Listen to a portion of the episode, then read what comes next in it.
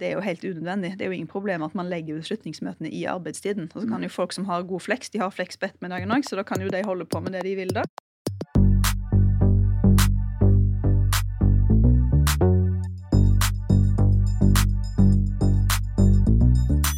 Mitt navn er Mira Khan, og i dagens episode av Mamma jobber snakker jeg med Jenny Sveen Hovda. Hun er advokat, partner og styremedlem i Bull Co. advokatfirma. Og så har hun faktisk en mann som har trappet ned til 50% for at hun skal kunne følge sin karrieredrøm. Men han jobber offshore, så han er fremdeles jevnlig borte i en uke i strekk. Og Derfor så lurer jeg veldig på hvordan hun løser hjemmelogistikken eh, som advokat, men spesielt da når han er borte. Og så er jeg veldig spent på å høre hva som skjedde når hun, som ny på vei inn i styret i Bull, ba om å få flyttet det faste tidspunktet for styremøtet. For det lå nemlig tradisjonelt på ettermiddagen når man skal hente i barnehage og være sammen med barna, og Jenny syns det burde ligge i kjernetiden. Jenny er virkelig en utrolig kul dame, og jeg tror alle hadde hatt godt av å ta med seg litt Jenny-attitude inn i hverdagen iblant. Hei, Jenny. Hei! Velkommen. Takk skal du ha. Altså, eh, Jenny og jeg har jo møtt hverandre før fordi eh, at vi lager podkastserien til Bull, som er der hvor eh, Jenny jobber. Og den heter Null bullshit og handler om likestilling i advokatbransjen. Og der var Jenny gjest, og da tenkte jeg hun her må jeg snappe opp til mamma jobber. Fordi her er det masse gøy, og veldig viktig, ikke minst, å få ut eh, til flere. Så ja, velkommen. Takk skal du ha. Men sånn litt kort om deg. Hvor gammel er du? Eh, hvor bor du? Hvem bor du med? Ja, eh, jeg er 35 år og eh, er gift med Allan, som også er 35. Men vi er faktisk sånn barndomskjærester, eller vi har vært venner hele livet. Er Og så har vi vært kjærester nå siden vi var 17-18, vel. Ja, Og så er vi fortsatt sammen. Og vi har altså to sønner sammen. Eh, Amund, som heter, og Jonas på fem. Eh, og vi bor i Bjørvika. I Bjørvika. Mm. Kort vei til jobb. Ja, godt, og det er faktisk ikke tilfeldig valgt, faktisk. Nei. Jeg trenger Ja, litt om det. Jeg er jo, eh, for så vidt, jeg er jo advokat, og også partner i Bull. eh, Og leder for vår faggruppe da, for det som heter I- immaterialrett og teknologi. Og så har jeg òg styreverv, så jeg sitter også i styret i eh, Bull. Og så har vi Allan, da, mannen min. Han, han jobber offshore i Equinor, sånn at han har en sånn turnusjobb der han er delvis hjemme og delvis borte. Ja. Og Hvor mange han- dager er han borte da? Altså, I utgangspunktet så er en sånn offshore-turnus eh, to uker på jobb og fire uker hjemme. Ja. Eh, men nå etter vi fikk eh, barn og jeg skulle satse litt mer på jobb, så har han trappa ned. Så han jobber én uke, og så er han fem uker hjemme. Slik at han Ja. jobber deltid. Ikke sant? Det må vi jo snakke mer om. Ja, det- Definitivt, Ja. ja. Mhm. Så, så litt, eh, og det for å dra det tilbake til bostedsgreiene det var litt sånn, Men han har jo vært da mye borte i perioder, så jeg har sånn, enten det er veldig deilig når han er hjemme, og så er det jo helt unntakstilstand når han er borte. Så for at jeg eh, skal klare å få alt til å gå i hop, så kan jeg ikke ha pendlevei. Det blir, liksom, det blir for mye. Nei, du må For bruke minst mulig tid på å hente Så vi liksom. bor liksom i byen, har barnehagen rett ved siden av og kontoret i sentrum. Ja. Da kan jeg i prinsippet eh, ha, stå i retten og samtidig hente i barnehagen. Ikke sant? Veldig lurt. Ja, altså, for jeg syns det fungerer. Ja, nå sa jo du Nå har vi snakket om at du er advokat og utdannet fra Universitetet i Oslo. Mhm. Og så har du jobbet i Stokke som juridisk rådgiver før du begynte i Bull i 2012. Eh, Ja. Men du har jo ganske raskt blitt både partner og eh, styremedlem, fordi ja, Mhm. du er jo bare 35. Mhm. Det er eh, en eh, vill fart, egentlig. Det kjenner jeg at vi også må snakke litt mer om. Men eh, det er mange ting her jeg skal plukke opp. Men vi skal, nå skal vi følge strukturen her. Fint. Eh, men hvorfor valgte du å bli advokat? Nå så du veldig Ja. tenkende ut.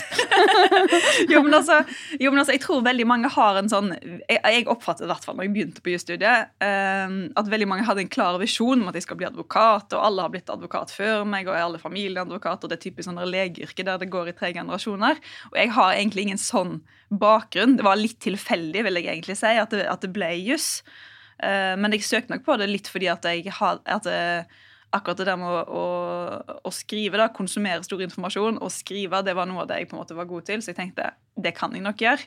Men det var litt tilfeldig òg. Og, og også gjennom jusstudiet hadde jeg ingen klar ambisjon om at eh, jeg skal bli advokat.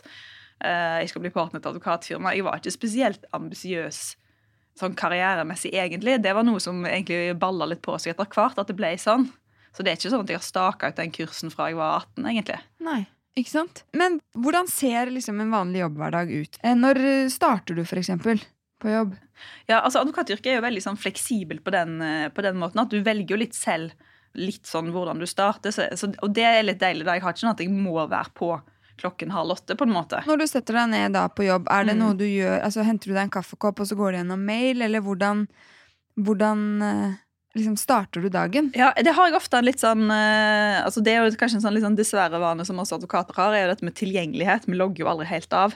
Sånn at eh, e-postene mine leser jeg jo liksom jeg leser jo liksom hver kveld. Ja. Så det er jo veldig sjelden jeg har en e-post på morgenkvisten jeg ikke visste om på Ja, på kvelden, ikke sant? sånn at det, har altså, tenkt på hele natta. Ja. Bare, nå bare. Nå har jeg heldigvis bare sånne hyggelige saker, sånn at, det, sånn at jeg, har, jeg har ingen sånne kunder jeg jobber med som, eh, som holder meg våken om natten med negative tanker. Eh, Så, så, så, så jeg lever egentlig godt med det å plukke opp jobbting på kvelden. altså Det synes jeg fungerer helt greit. Ja. Men på morgenen så prøver jeg Jeg har min beste sånn konsentrasjonstid på formiddagen, så jeg prøver faktisk å gjøre skriveoppgaver eh, uten å skru på mailen. Ja, så du produktiv. sjekker den ikke engang? en måte? Jo, jeg kan sjekke den, men så tar jeg typisk sånn Jeg har jo eh, slått av alle pop-uper. Har ingen pop-up. Og så tar jeg også og bare klikker ut Outlook Ja. på formiddagen i noen timer da, for å gjøre skrivearbeid hvis jeg har sånn konsentrasjonsoppgaver. Ja. Så jeg er i mitt sånn strukturerte modus. Da klarer jeg å, å ha litt sånn at jeg har tidspunkter på dagen der jeg på en måte svarer på e-poster. Og, og tidspunkter der jeg på en måte har fokusert tid til å jobbe med saker. Mm. Men har du noen måte du prioriterer på når det er mye? Jeg forsøker å jobbe jo med andre. Jeg Mm. har jo ikke altså mitt, Måten jeg jobber det er jo ikke noe sånn soloprosjekt. Jeg har jo folk rundt meg. Mm. Så det er klart at hvis jeg ser at noen oppgaver blir så omfattende eller store, så er det jo en del av min rolle som partner i et advokatfirma å kanskje hente inn andre yngre ressurser som kan avlaste meg på enkelte ting. Ja, Så da delegerer du det ut? Ja, da delegerer jeg det ut. Og Ja. det er jo kanskje liksom, det er det fine med vårt yrke kontra eh, eksempel det hvis du jobber internt i en virksomhet. at du har, Da har du ikke nødvendigvis så mange å spille på. at Du har fått et sett med oppgaver, og de må du løse. Mm. Mens eh, sånn som vi jobber, så har vi jo ganske mange medarbeidere som er ganske sultne på å gjøre oppgaver, og som vil være med på prosjektene. Så hvis man ser at det tårner seg opp, eller at prosjekter bare, saker bare tar en ny vending, og du ser at tidsskjema sprekker som du har tenkt, av det du har tenkt å gjøre selv, så finnes det jo masse gode medarbeidere, yngre ressurser, som kan eh, trå til. Og jeg prøver egentlig, og dette har vært egentlig litt av min sånn eh, hvordan være eh, arbeidende mamma, og med de uforutsette hendelser som kan skje i et sånt liv. Så tenker jeg det å, det å alltid jobbe i team da, sammen med andre, eh, som gjør at hvis du plutselig må ta eh, den syke dagen, eller du må hente tidlig, eller hva det måtte være, eh, så har du andre som på en måte kan jobbe videre med det og plukke det opp. Hva er det du bruker liksom mest tid på i en jobbhverdag? Er det møter, eller er det å, å skrive ting eller lese ting? Det er veldig sånn, ja, det er sånn typisk skrive- og leseting. Jeg, Ja. øh, Det gjør jeg jo. Og så er det jo en del sånn kundeoppfølging for det jeg er sånn hovedkontakt for. Ja, ikke sant? Det gjør jeg òg en del, del på. Men og hvor- følge opp de yngre sant, om ting, lese ting de skriver. Sant, ja. Men hvordan, hvordan er det å drive med den type veldig sånn detaljfokusert arbeid hvis du ikke har sovet så mye en natt? Altså, du må jo være veldig sharp i jobben ja, du må være veldig sharp. Ja. Og det, det er klart at det er mm, du, du kan på en måte ikke sitte der og bare koke. Sant? Du må Nei. ha et ganske klart hode, Ja. for hvis ikke så gjør du feil. Mm. Sant? Og det kan man ikke gjøre. Kan ikke gjøre feil. Sånn at det å gå, det å på en måte bare ikke sove en hel natt, og så, og så gå på jobb, sånn, sånn det fungerer ikke. Så, så man må være litt sånn strikt på det. og jeg tror dette er jo sånne ting som foreldre, folk med små barn eh, eh, må tenke på. Og det er klart at hvis jeg kjenner jeg er sliten, eh, sant, da må mannen min stå opp når baby, om natten. Mm. Når babyen eh, våkner. Mm. Og jeg tror sånn generelt så har vi gjort det sånn at vi står opp med eh, babyen når han var liten annenhver natt. Ja. Det har vi gjort med begge barna. Sånn at den andre sover på et eget rom i stillhet. Ja. Fordi det, det kan man liksom leve med. Og hvis jeg blir ordentlig trøtt og sier at nå har jeg noe viktig jeg må gjøre i morgen, da må du, da må du sove, da må du stå opp med den. Ja, for da må jeg være sharp i hodet, Ja. liksom. Men eh, vi snakket jo litt om at, at du har hatt ganske fart i karrieren din. Mm, Og så sa du jo at du har ikke, måte, hadde ikke en tydelig strategi når du begynte på jussen. mm. Men så vet jo jeg, for jeg har jo sittet og hørt andre intervjuer med deg, at uh, du hadde jo en plan på at uh, du hadde lyst til å bli partner. Ja, altså jeg begynte å jobbe som advokatfullmektig så dette da, i Bull, sant? der man uh, jobber noen år og man har prøvesaker og sånn for andre. Likte det egentlig veldig godt. Uh, og så tenkte jeg liksom at ja, dette tror jeg jeg satser på. Sånn, så på et eller annet tidspunkt så tenker jeg at dette liksom satser jeg på. Og så var det vel egentlig når um, jeg fikk første sønnen min i 2015 og var på vei ut i permisjon, uh, da var det egentlig fortsatt sånn det er jo ikke så veldig lenge siden, men likevel så følte jeg at når jeg så rundt meg, så var det litt sånn da at de fleste jenter som fikk barn, følte jeg, feida litt ut i andre roller og satsa ikke i advokatbransjen på det tidspunktet. Det var i hvert fall en sånn observasjon jeg gjorde. Da gikk de gjerne til sånne internstillinger. Og stillinger som, som har en regulert arbeidstid, for det er jo selvfølgelig en fordel når du har små barn. Uh, og så hadde ikke jeg så lyst til det. Jeg hadde egentlig mer lyst til å, å satse innen advokatbransjen. Og, da, og det er jo da man på en måte tenker at ok, hvis du skal satse, så er det jo naturlig at man på sikt ønsker å bli partner. Mm. At man begynner å planlegge for et sånt løp. Sånn at eh, mens jeg var i permisjon eh, med han eldste, så tenkte jeg litt på det. Og avklarte egentlig det, og hadde den diskusjonen på hjemmebane som man gjerne må ta da, om at nå har jeg lyst til å, eh, å ta sats videre innen dette bransjen, og satse på å bli partner på sikt. Var det liksom uproblematisk på hjemmebane? Eh, ja, altså egentlig så gikk det Ja, det, ja, det vil jeg si. sant? For at mannen min, han, eh, For han passet det greit. Han kunne trappa ned til en 50 %-stilling Mm. uh, for å gi meg rom til den satsingen. Og det er klart, Men du må jo ta litt sats. På det tidspunktet tjente jo han mye mer enn meg. Eh, så det her er jo på en måte økonomisk sett så er det jo ikke noe som vil lønne seg med mindre jeg lykkes, og med mindre det liksom går. Ja. Så det var jo overhodet ikke noen sånn kortsiktig økonomisk god plan. Men han sa at det var greit. Han kunne trappa ned, og jeg kunne satsa på det. Så, så han syntes det var en god idé. Og det er òg fordi at i tillegg til, eh, til sin jobb i Equinor, så driver, så driver han med triatlon. ja. Han konkurrerer Og og er veldig opptatt av trening. Tar masse tid. Han trener minst en eh, halv stilling i året. Så for han så passet det fint å kombinere eh, Han hadde lyst til å, å ha mer tid. Han er ikke vokst opp med en far eh, som bodde ved han. Og, og hadde lyst til å være en litt mer sånn sy synlig farsfigur. Mm. Og for han så liksom harmonerte liksom totalen godt. Med at han kunne drive med det han ville, og ha mer tid med barna. Og så kunne jeg satse på jobb når jeg var tilbake. Men gjorde du noen grep sånn faglig sett når du liksom Ok, du har fått go på hjemmebane. Ja. Eh, jeg vil bli partner. Eh, hva, hva gjør man da, liksom? Man kan jo ikke bare bli partner, liksom. Du, nei, jeg kom tilbake på, på jobb etter permisjonen. da, Det var vel i 2016. Og da var jeg veldig tydelig på det. At nå, eh, nå Eller dette var kanskje bare noe jeg følte på. da, Jeg følte liksom på at, eh, at man tenker sånn Å, nå er hun tilbake i permisjon, og hun tenkte bare liksom gjøre akkurat det hun må, og så gå hjem. Så for å være helt sikker på at alle forsto at nå var jeg ganske dedikert på å få til noe her, så var jeg veldig tydelig på det, og for de som var selvfølgelig sånn HR-ledere, de som satt i styret, at nå er jeg tilbake, og jeg er tilbake for fullt. Ja. Så ikke hold meg utenfor liksom, noen oppgaver, for jeg er dedikert. Jeg har klarert at mannen han fikser barnehagehenting. Jeg er liksom dedikert, Ja. og jeg har tenkt å satse.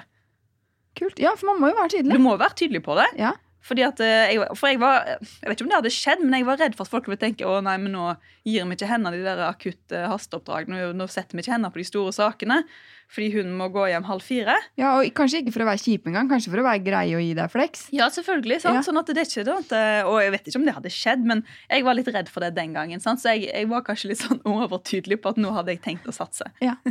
Kult. Og så gjorde jeg det, og jobbet eh, mye. Og etter hvert så begynte det å gi avkastning. Og i 2018, så når jeg var 32, så, og eldste sønnen min var vel da tre år, så trådte jeg inn i partnerskapet. Og så ble, ble du også med i styret. Ja, ja jeg har sittet i styret et år nå. Ja. Mhm. Og kan ikke du fortelle litt, fordi um, skulle, styremøtene deres var jo på ettermiddag og kveld. Ja, Før du begynte. Ja, det var det. Når jeg fikk spørsmål om jeg hadde lyst til å sitte i styret, så var jeg litt sånn at ja, det er jo selvfølgelig veldig hyggelig at eh, de andre partnerne tenker at mine type synspunkter da er verdifullt i en sånn sammenheng, så det kan jeg gjerne bidra i. Jeg tror òg det er viktig at de har på en måte yngre stemmer som også sitter i ledelsen. Og så var det sånn spørsmål sånn, ja, men styremøtene, og sånn har det jo vært i vår bransje, at alle sånn partnermøter, styremøter, skjer fra typisk klokka fire og utover. Mm. Og, sånn, og så fikk jeg spørsmål er det et problem. Og så tygde jeg litt på det, så tenkte jeg sånn altså, Det er klart at du kan jo sette av Det er ikke at det er helt umulig å få til å sette av møter sånn på ettermiddagen, men det er egentlig, en, det er, det er egentlig ikke optimalt for, for meg i min situasjon at jeg på en måte alltid skal sette av ting akkurat i de der timene der man skal hjem, spise middag, eh, lese bok for barna, legge deg. sant? Det er jo på en måte min litt sånn tid med deg. Eh, så, så, da sa jeg at det egentlig så passer det dårlig, så jeg syns, syns, eh, kanskje vi skal flytte det til morgenkvisten isteden. Så da, da, ble det det. Ja, ikke sant? Fordi du sa fra. Ja. ja. ja jeg gjorde det. Og det er jo kjempebra. Og kanskje har det gjort at uh, noen som kommer etter deg, og som vurderer å være med i styret senere, sier ja fordi de ser at møtene ikke er i barnehagehentingen. Altså, Man vet jo aldri. Ja, det er klart det er sant. Jeg, jeg har fremmet det synspunktet og, og, fått gjennomslag for det for så vidt hos oss, at vi prøver å holde alle møter der det blir foretatt beslutninger, i arbeidstiden. Ja, så kan folk, kan folk flekse og jobbe kvelden og det de vil.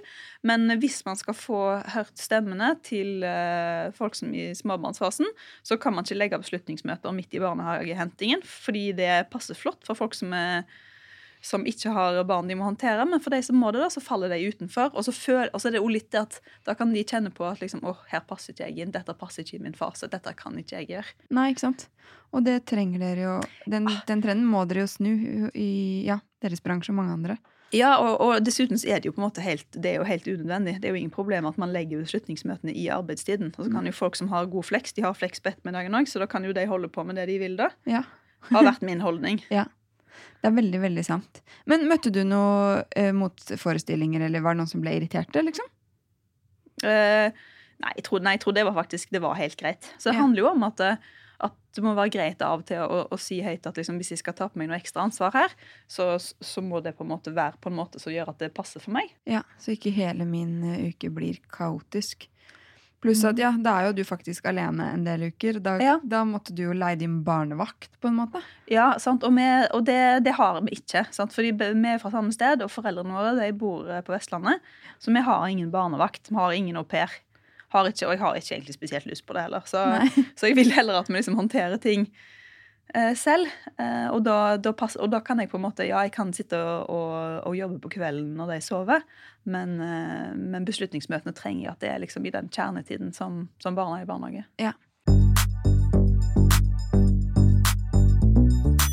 Alt som går smooth, og som gjør hverdagen min enkel og oversiktlig, gjør meg glad, fordi det er så utrolig mye å holde oversikt over som voksen.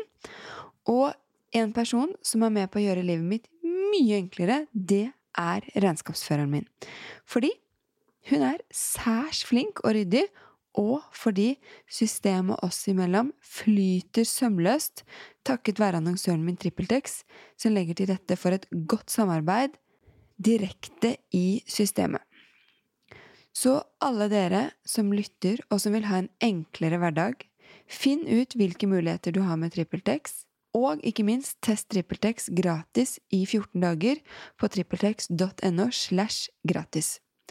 Og et annet tips for øvrig, hvis du ønsker deg regnskapsfører eller ny regnskapsfører, så kan du finne det på regnskapsmatch.no. Hvordan, hvordan syns du det har vært å på en måte gjøre de karrierehoppene mens du har hatt små barn? Altså, hva hva syns du har vært mest utfordrende med det? Jeg tror enhver Selvfølgelig fedre, men jeg tror enhver mor som går tilbake fra permisjon, og sånn som hvis man har det der standardordningen nå, sånn, så er jo barn kanskje sånn åtte måneder, eller de er, jo, relativt små. Jeg tror ingen mor går tilbake på jobb da og tenker liksom bare at det å jobbe fulltid da er dødsenkelt, sant? for det er ikke det. Du har jo fortsatt et lite barn, og selv om far er hjemme, så, så, så sover man kanskje lite og litt sånn det er klart at akkurat den overgangen der kan være litt sånn tøff. Og jeg tror det er en del der en del i vår bransje på en måte har at ofte faller ut. Fordi det er en litt sånn hard overgang, akkurat det. Mm. Man skal få om det er første eller andre barn, man skal få en ny hverdag til å fungere. Mm. Uh, og, og, i en fase akkurat i det du på en måte Mange opplever at de kanskje de sover dårlig, de har et barn som ikke vil slippe fotene på morgenkvisten. altså at, at det, det, blir liksom for tøft. Uh, og jeg tror for meg, så det å på en måte ha en ordning på hjemmebane som sørger for at det er en liksom myk overgang både for meg og for barn, uh, sammen med at man vet at dette er en på en måte kort fase, mm. og det går over. Og, og, når barnet plutselig er to år, sant, så sover det bedre. Og hverdagen blir litt mer normal. Mm. Og den er ikke alltid syk og forkjølet i barnehagen når du må hente den. Og, sant? Det går over. Ja. Og jeg, jeg, har prøvd å, å, være litt sånn optimistisk med de som er yngre jenter hos oss på kontoret, om at akkurat den transformasjonen der, overgangen til å komme på jobb den er litt tøff. Ja. Sant? Sånn at en kombinasjon av at eh, man trenger ikke tenke når man er tilbake på jobb, at, at alt må være liksom 120% Du kan ikke ha liksom every pot on hard boil. Du må, du må tenke at i en sånn, For å komme over den eh, fasen da, eh, der du har fått litt mer sånn system og rytme i en ny hverdag, så er det helt greit at At det er litt kjipt, liksom. ja, ja. en ting at det er litt kjipt, men man kan liksom, altså det er greit at man ikke leverer liksom 100% fra første uka når man er tilbake fra permisjon. Man må på en måte få liksom litt rom til å la den sette seg, tenker jeg. Ja, for det er en helt ny struktur, liksom. Ja, det er det, og jeg, og jeg syns at det, det er dumt om man skal falle ut da. Av en, en situasjon som er ganske midlertidig. Ja. Og jeg tror man må være litt sånn ekstra large med hverandre i sånne perioder. Og jeg føler som leder så er det viktig for meg å signalisere til de som yngre at dette ser jeg. Jeg forstår godt at uh, ja, for da sier du det faktisk til dem. Ja, jeg sier det. At, at det her må vi bare gjøre det beste vi kan ut av det. Og jeg, det interessante er at de som er småbarnsforeldre hos oss, hvis man ser på tallene og sånn, de jobber jo så bare det. De produserer så bare det. De er knallflinke. Det går kjempebra. Det går mye bedre enn de tror. Mm. Men så det å gi dem den oppmuntringen, det er noe med å være litt sånn tydelig på det. Og det, gjør, det tror jeg kan bidra til at i hvert fall i vårt yrke, da, der på en måte eh, prestasjon og arbeidsmengde og sånn, timeantall, har hatt et høyt fokus. Det tror jeg kan gjøre at eh, man får med de yngre både mødre og fedrene over i den eh, over den kneiken, da. Ja. Ja, for det er jo veldig midlertidig. Det er egentlig det, men det Ja. føles ikke sånn Nei. når man sitter i det. Det gjør ikke det. Det Nei, føles åh. veldig forever og altoppslukende. Ja, ja, I hvert fall hvis det er første barn. Da føler man jo at, eh, Ja. at det liksom vil dette her gå seg til. Men det gjør jo det. Ja, ja, det gjør jo det. Men er det type noe du liksom Sier du det videre til styret? Altså Sier du det bare til dine ansatte, eller hvordan liksom gjør dere det i firma? Ja, jeg, altså jeg, jeg gjør jo det som eh, En ting er at jeg har jo, jeg har jo mandagsmøte med alle i min avdeling eh, der jeg på en måte kan formidle den type ting. Og da, hører vi om sant, hvilken kapasitet har de, hvilke oppdrag har de, da fordeler man liksom saker og sånn. Der kan man si den type ting. Men jeg har òg tatt det opp på sånn styrenivå at dette er viktig at liksom bare sånn at, fordi at det, sånn at det er viktig at det kommuniseres til alle. At, at Både til de som delegerer oppgaver og de som tar det imot, at vi forstår at dette er situasjonen. Og, Mm. og det er ingen som forventer at, eh, at her skal alt skje perfekt. Og, og jeg tror alle gjør så godt de kan. Ja, det syns jeg er kjempebra at dere gjør, fordi det er jo vanskelig å mm, Det er vanskelig å senke ambisjonsnivået selv hvis ingen sier liksom høyt og tydelig 'det er greit'. Ja. Fordi man vil jo levere. Man føler jo på det presset. Og liksom, ja, plikt og fullheten og alle disse tingene. Du sa, du nevnte jo i sted disse mm, forkjølelsesårene hvor barna må hentes Ja. hele tiden. Hvordan, eh, altså Når eh, mannen din er hjemme og ikke Mhm. offshore, så er det jo en smal sak. Det er en smal smal Da sak. han eh, Ja. Men når han er borte, så er han borte, og dere er ikke besteforeldre. Ja. Hva gjør du hvis du er i retten da, type, og de ringer fra barnehagen? Nei, så, altså, akkurat, det, det er jo et uh, sant? Hva gjør man da? Da Ja, har man kan jo ikke si 'ha det, da Nei, må jeg gå'. Akkurat når jeg har vært i retten, så har jeg sånn, eh, da har jeg avtalt med foreldre i forkant, og de bor på Vestlandet, at hvis noe skjer nå, så må dere bare hoppe på et fly og komme. fordi at det liksom, Ja. du kan ikke Altså Det å beramme rettssaker sant? Det, du, det tar så, du får jo en slått-tid, og hvis du skal omberamme det, så risikerer du å vente i en evighet før det kommer opp igjen. Det blir rett og slett for det blir for vanskelig. Men jeg går ikke så mye i retten i den type yrke jeg har, så, eller den feltet jeg jobber innen. sånn at det er ikke et så stort problem. Um, Men er det strategisk valgt at du valgte det området fordi da går du ikke i retten, eller er det bare flaks? Det er nok litt tilfeldig, faktisk. Ja, det er litt tilfeldig. Men hva Også- gjør de andre? For dere er jo veldig mange kvinner og mange Ja. kvinnelige partnere i Bull. Hva gjør de andre hvis de står i retten og barna er syke? jeg tror, de, jeg tror nok at de fleste har en sånn, en sånn eh, De fleste har jo en annen koforeldre. Ja, det er sant. Sant? Ja, Så det er som just... kan da steppe inn. Du har eksempel Elisabeth, som er programleder i Mhm. Null Bullshit. Hun er jo alenemamma Mhm. og advokat. Ja, hva, hva gjør man? Hva gjør hun? ja, altså, Det må jeg bare si at For meg som er aleneforelder sånn bare periodevis, når man er på jobb i Nordsjøen, så er jeg jo enormt imponert over aleneforeldre generelt. Ja. Både i vårt yrke og andre. Det er klart at det er enormt krevende. Jeg syns det er helt utrolig at de klarer å jobbe fulltid samtidig som de håndterer alt det andre. Det er Ja. faktisk utrolig imponerende. Og Elisabeth hos oss har jo vært eh, aleneforeldre til eh, en sønn fra hun begynte til, eh, til nå. Og det var jo egentlig først når jeg selv fikk barn, jeg forsto hvor imponerende det egentlig er. Ja. Og, men, men hun har òg, for hvis hun skulle i retten videre, hun har en mor som bor i Spania, som hun har måttet flydd inn Ja, For å være sånn backup de gangene hun skal ha lange sånn rettssaker og der det har vært det ene og det andre. Ja. Eh, Ja, så man må liksom og hun har noen søsken som kan stille opp osv. Men du liksom. må det. Ha litt sånn backup. Og det er klart at når alt, hverdagen glir og alt er bra, så, så er det det. Men, men vi har et litt sånn uforutsigbart yrke. Og vi må ofte være til stede eh, og, og klare til å gjøre ting når, når kundene trenger det. Og det er ikke alltid innenfor normal arbeidstid. Og det er jo det som er en del av den uforutsigbarheten med yrket, som, som sikkert gjør at en del med barn eh, faller fra da, og tenker at det blir for mye stress. Ja. Apropos stress, da, når du er alene da, Mhm. med disse barna, eh, og du har et kundemøte som starter, og de ikke vil ha på seg støvler. Hva gjør du da? Ja, vet du eh, Han minste på ett år har et sånt triks der jeg bare prøver å våkne før han, har klart alt. Og så gir jeg han bare en eh, sånn, eh, sånn lunken eh, sånn melk, varmflaske melk. Ja. Og da kler jeg han, skifter han og putter han i vognen før han egentlig har skjønt at han har stått opp. så han er jo han er litt sånn, så han er allerede ute han, før han egentlig forstår at han er på vei ut. Ja, han rekker ikke å protestere, liksom. Han rekker ingen, da rekker han ingenting. Eh, Veldig lurt. ja, det, han er veldig flott. og Han er på vei ut, og da han liksom, har ikke fått tid til å liksom kose seg med et eller annet som han må bryte opp av. Og han femåringen han har jeg jo hatt mye i perioder har jeg hatt, for selv om mannen min i prinsippet jobber deltid, så har han jo perioder der han har jobbet mye. Så i fjor var vel det lengste jeg var alene hjemme med de tre uker alene. Ja, Det er lenge. Ja, det, det er i hvert fall Ja, jeg, noen er det alltid, så det er jo imponerende, men jeg syns det er lenge. Ja. Og, og er krevende. sånn at det, det er klart at han femåringen min er nok eh, litt mer eh, Jeg er nok litt strengere sant, med at eh, For vi har aldri sånne episoder med at han ikke vil ha på støvlene. Nei, nei, ikke Har ikke sånn, jeg. Da har han bare skjønt at det Det går ikke, det. Nei. Nei. Men de første gangene han gjorde det, da, har du bare vært beinhard, da? Og bare du skal ha på de støvlene? Nei, nei, altså Nå er barnehagen et par hundre meter unna, så han har gått i sokkelesten bort. Ja. Ja, Det har han gjort midtvinter, så jeg har sagt da får du bare komme av gårde. Så, så, sånn at Da trenger vi ikke slåss så veldig om det er påkledning. Nå er han ikke veldig sær. Noen barn bruker jo veldig mye sånn styr med sånn påkledning. Og sånn, og Nå har ikke han vært veldig sånn. Mm.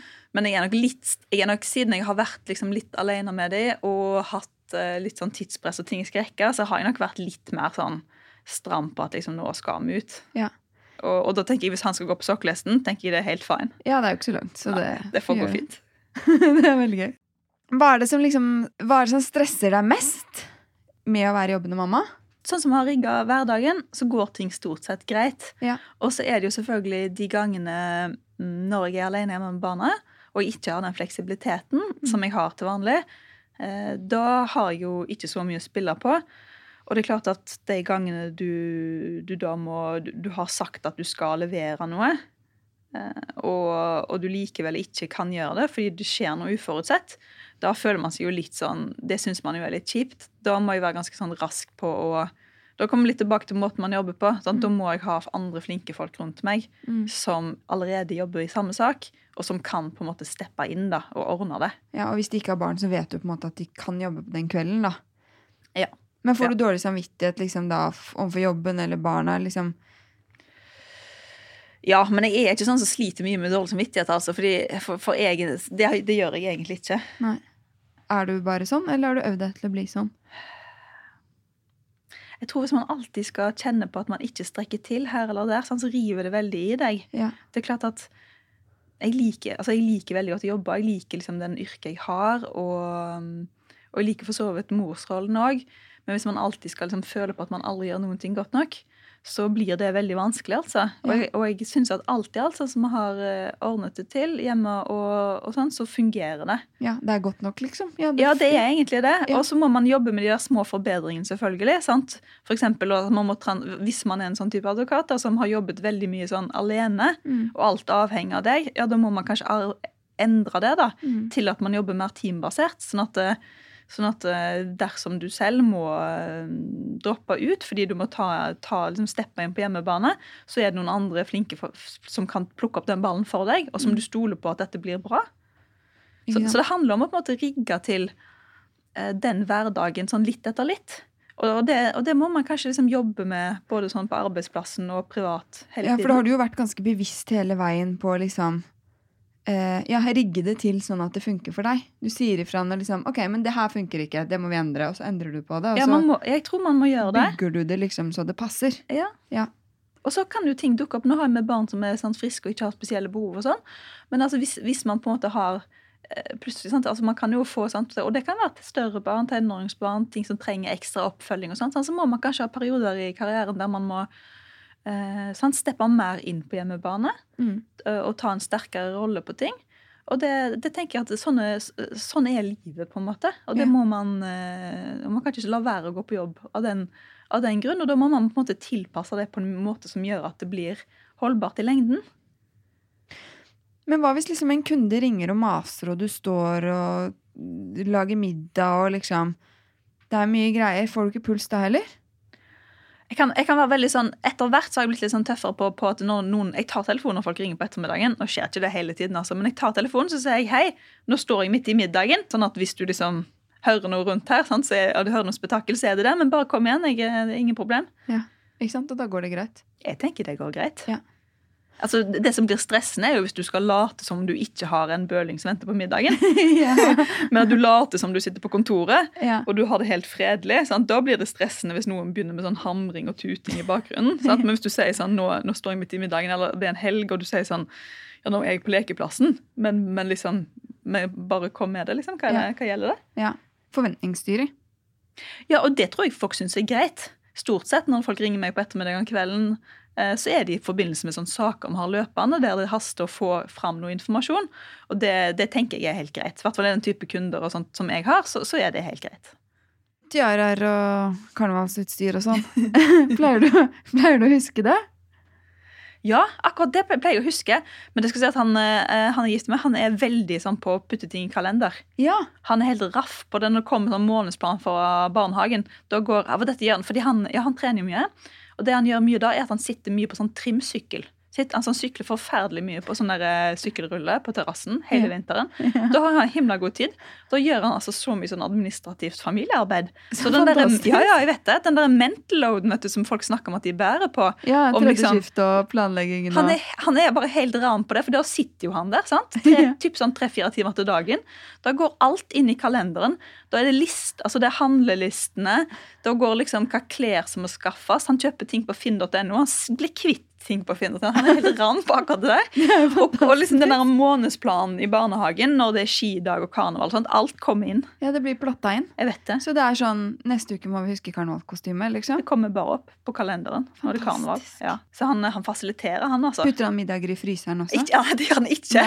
Men da bestiller jeg ofte sånn Jeg har en venn som driver sånn catering. Så da bestiller jeg ofte sånn ferdig. Altså sånn Matkasser følger jeg monner ikke. Du må jo fortsatt drive og kutte og holde på. ja. Og det bare, det funker ikke der som en sånn ettåring som liksom helst vil sitte på armen konstant. Nei. Og stå og kutte grønnsaker og gjøre ting selv. Altså det, det, sånn, sånt rekker jeg ikke. Så da, da kan jeg kjøre lettvinte løsninger på middag. Jeg, altså. Um, ok, Men eh, hvis vi skal se litt på hvordan morgenen deres Ja. ser ut Nå har jo du sagt at eh, når Hvis vi ser på når du er alene, da. Ja. Da står dere opp klokken, Da, vi står opp sånn halv, halv syv-syv, kanskje. og så går alle på badet sammen? Eller hvordan liksom de er jo fryktelig aktive, vet du, de der to guttene. Så de springer jo bare her rundt i et sånn eh, kaos, egentlig, de der to. Uh, og når jeg er alene med dem, da prøver jeg eh, Jeg prøver faktisk å ha alt klart. Hvis at når barn, og Nå blir det mye sånn hvis, da, men når barnehagen vanligvis er åpen tidlig, så prøver jeg bare å ha lagt fram, lagt klart alt Jeg pakker sekkene. Jeg Ja, har klær og sekker og Ja, alt. sant? Men Har du laget matpakkene også? Ja, det gjør jeg. Ja, Putter de i kjøleskapet? Ja. Ja. Ja, sånn at det bare tar jeg med. Og så, og så er det brødskive i hånda til han femåringen. Ja. Og han andre han spiser da i barnehagen. Og så prøver jeg egentlig å bare kysse de ut eh, døra uten for mye sånn tid hjemme. Ja, ikke sant? Bare komme seg ut. Men dusjer du og sånn på morgenen? Eller Nei, nei, nei ja, det må jeg gjøre på kvelden. Ja. Ja. Det går ikke med alene hjemme med en sånn ettåring. Det, det, går, det er helt umulig. Ja, så da bare kler du på deg, sminker deg fort, og så bare Sminker meg ikke. Nei. Nei, det kan jeg ikke gjøre. Har ikke tid til det. Nei. Nei, det går ikke. Det har jeg sluttet helt med. Ja. Altså, Man må bare ta noen valg om at man kan ikke gjøre alt. Nei. En ting ikke jeg smikker meg ikke. Nei, aldri. Nei, nei, det er veldig Jeg måtte faktisk Veldig ta en naturlig liten par minutter eh, foran speilet i dag. Ja. Siden jeg skulle hit og visste du kom til å sette på kamera. Men til vanlig så gjør jeg ikke det. fordi at man, man rekker liksom ikke alt. Og man må finne ut hva som betyr noe, noe for deg. Og, og for meg for eksempel, så syns jeg det å enten gå eller løpe til jobb for å få noe bevegelse i løpet av dagen, Ja. det, det syns jeg gir noe. Ja. Og Da hører jeg på noe på øret. Kan høre på noe podkast eller musikk, eller det som jeg synes er litt sånn oppløftende. Det, sånn det, det tar litt lengre tid enn om jeg skulle eh, sånn, sykle eller noe sånt. Ja. Så, men det syns jeg liksom gir litt ekstra. Sant? Og det å trene litt, det Mm. syns jeg gir meg noe. Ja, så da prioriterer du det. Det prioriterer jeg. Det tar litt ekstra tid. Fikse hår og sminke meg og sånn.